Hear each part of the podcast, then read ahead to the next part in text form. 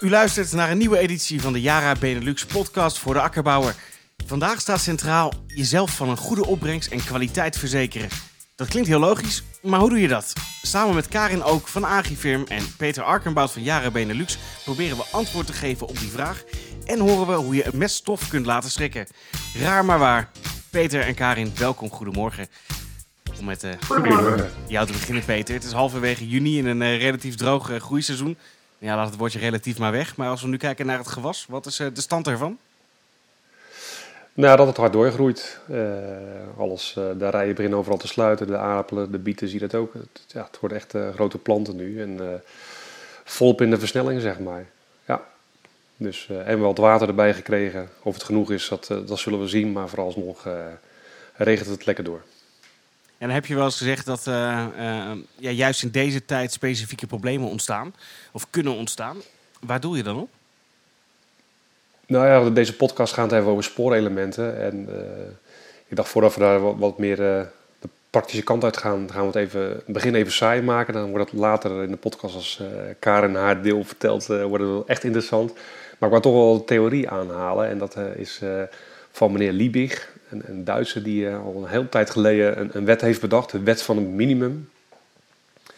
Uh, en dat gaat er eigenlijk om dat er al altijd wel ergens een limiterende factor is. Hè? Al heb je nog, genoeg, nog zo genoeg aan voedingsstoffen in de bodem, er is altijd wel ergens een limiterende factor. En in het verleden was er bijvoorbeeld uh, stikstof, hè? maar als je daar genoeg van strooit, dan is dat niet meer een, een beperkende factor. En vervolgens is er een ander element een beperkende factor.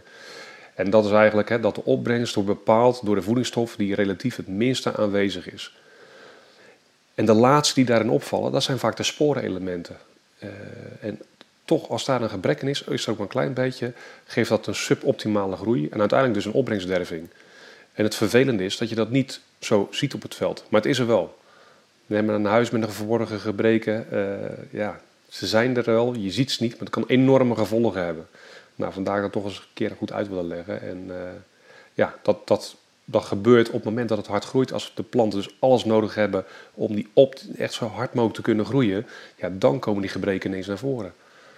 Dus vandaar dat dat nu speelt en nu specifieke problemen zich voordoen. Karin, kun je uitleggen wat dat uh, dus precies is, die hidden hunger, en waarom sporenelementen zo lastig, uh, of niet wat gebrek daaraan zo lastig te herkennen is? Een plant kan al last hebben van een gebrek, terwijl je het gebrek eigenlijk nog net niet ziet. En juist in die fase zie je dat er al best wel grote schade uh, kan ontstaan. En ook in die fase is het belangrijkste om bij te geven. Dus bij borium is het bijvoorbeeld, als je, kijk, als je echt last van boriumgebrek hebt, je percelen en telers weten dat altijd. Die geven borium al uh, voorafgaand aan het groeiseizoen. Maar ook in het seizoen zou je nog een beetje kunnen bijsturen. Maar als je eenmaal schade ziet aan hè, door bijvoorbeeld hardrot veroorzaakt door borium, kan je het eigenlijk niet meer corrigeren. Dus dat is altijd wel belangrijk om een stukje ja, verzekering te hebben dat je op ieder moment de juiste sporenelementen beschikbaar hebt.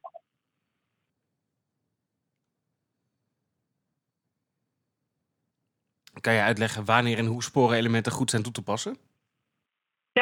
Dat een beetje verschillend per element. Kijk, borium wordt heel goed opgenomen via de bodem. Dus dat kan je heel vroeg in het groeiseizoen al spuiten. Eigenlijk is het, we noemen het een bladmeststof, maar het is eigenlijk een bodemmeststof. Het mag best op de, ja, het liefst eigenlijk op de grond komen. Terwijl je bij mangaan en magnesium wil je de, het gewas ook echt raken. Dus dan geven we het uh, wel in, het, uh, in de vroege fase van het groeiseizoen, meestal de eerste keer zo rond het 4, 6 4 tot 6 bladstadium. En laat het groeiseizoen nog een keer uh, toedienen. Ja, uiteindelijk pas je het ook toe. Uh, probeer het eigenlijk te combineren met uh, andere bespuitingen. In, in, het begin van het groeiseizoen probeer te combineren met uh, herbicide bespuitingen. Ja, nu worden schimmels ook bestreden in, in suikerbieten. Dus ja, je kan het eigenlijk in één werkgang meenemen. Dus, en dat past ook mooi bij het moment dat het gewas het nodig heeft. Dus ja, los van wanneer het gas precies nodig heeft, kies ook een moment dat je toch al rijdt met de spuit. Uh, het kan eigenlijk met de, de, in ieder geval de middelen die wij bieden als Yara, kunnen eigenlijk allemaal gecombineerd worden met de, de gangbare uh, fungiciden. En dat hebben we ook een speciale app voor. Tank Mixit heet het. je kan dat terugvinden op onze website. Ja, dan kan je het gewoon invoeren wat je van plan bent te gaan spuiten.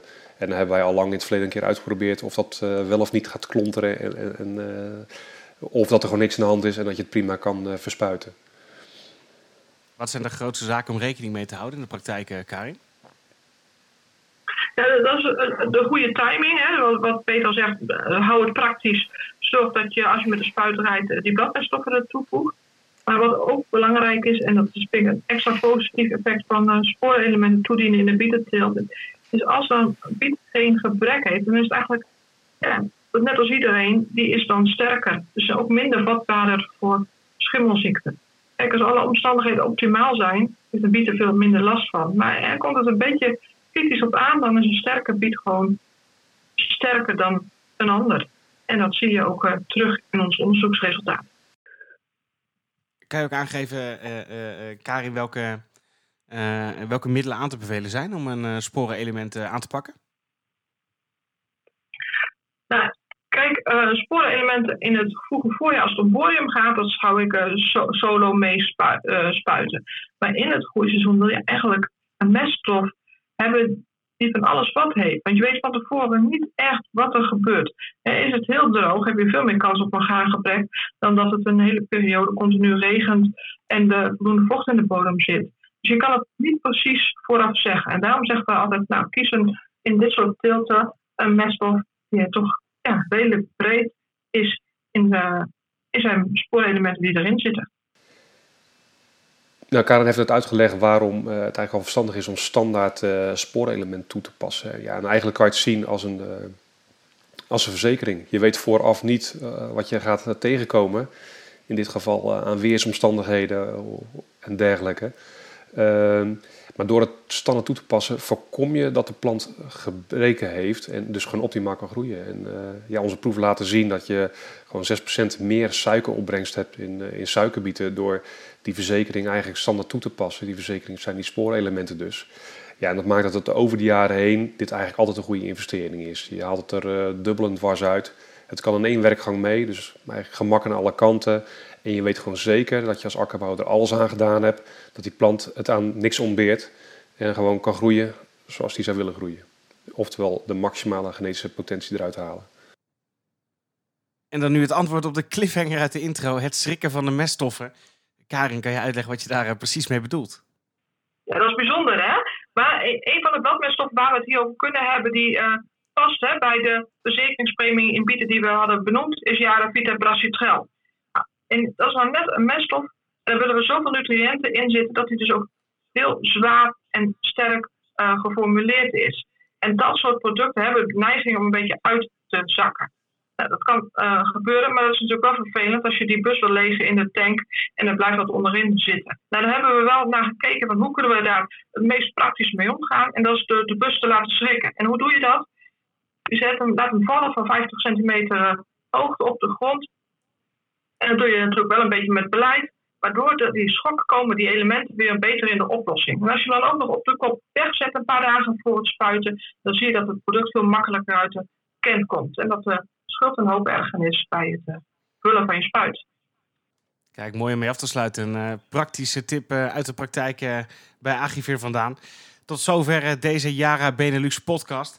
Wilt u nou meer weten? Kijk dan ook even op de website yara.nl of meld je geheel kosteloos aan voor de Yara Akker Actueel.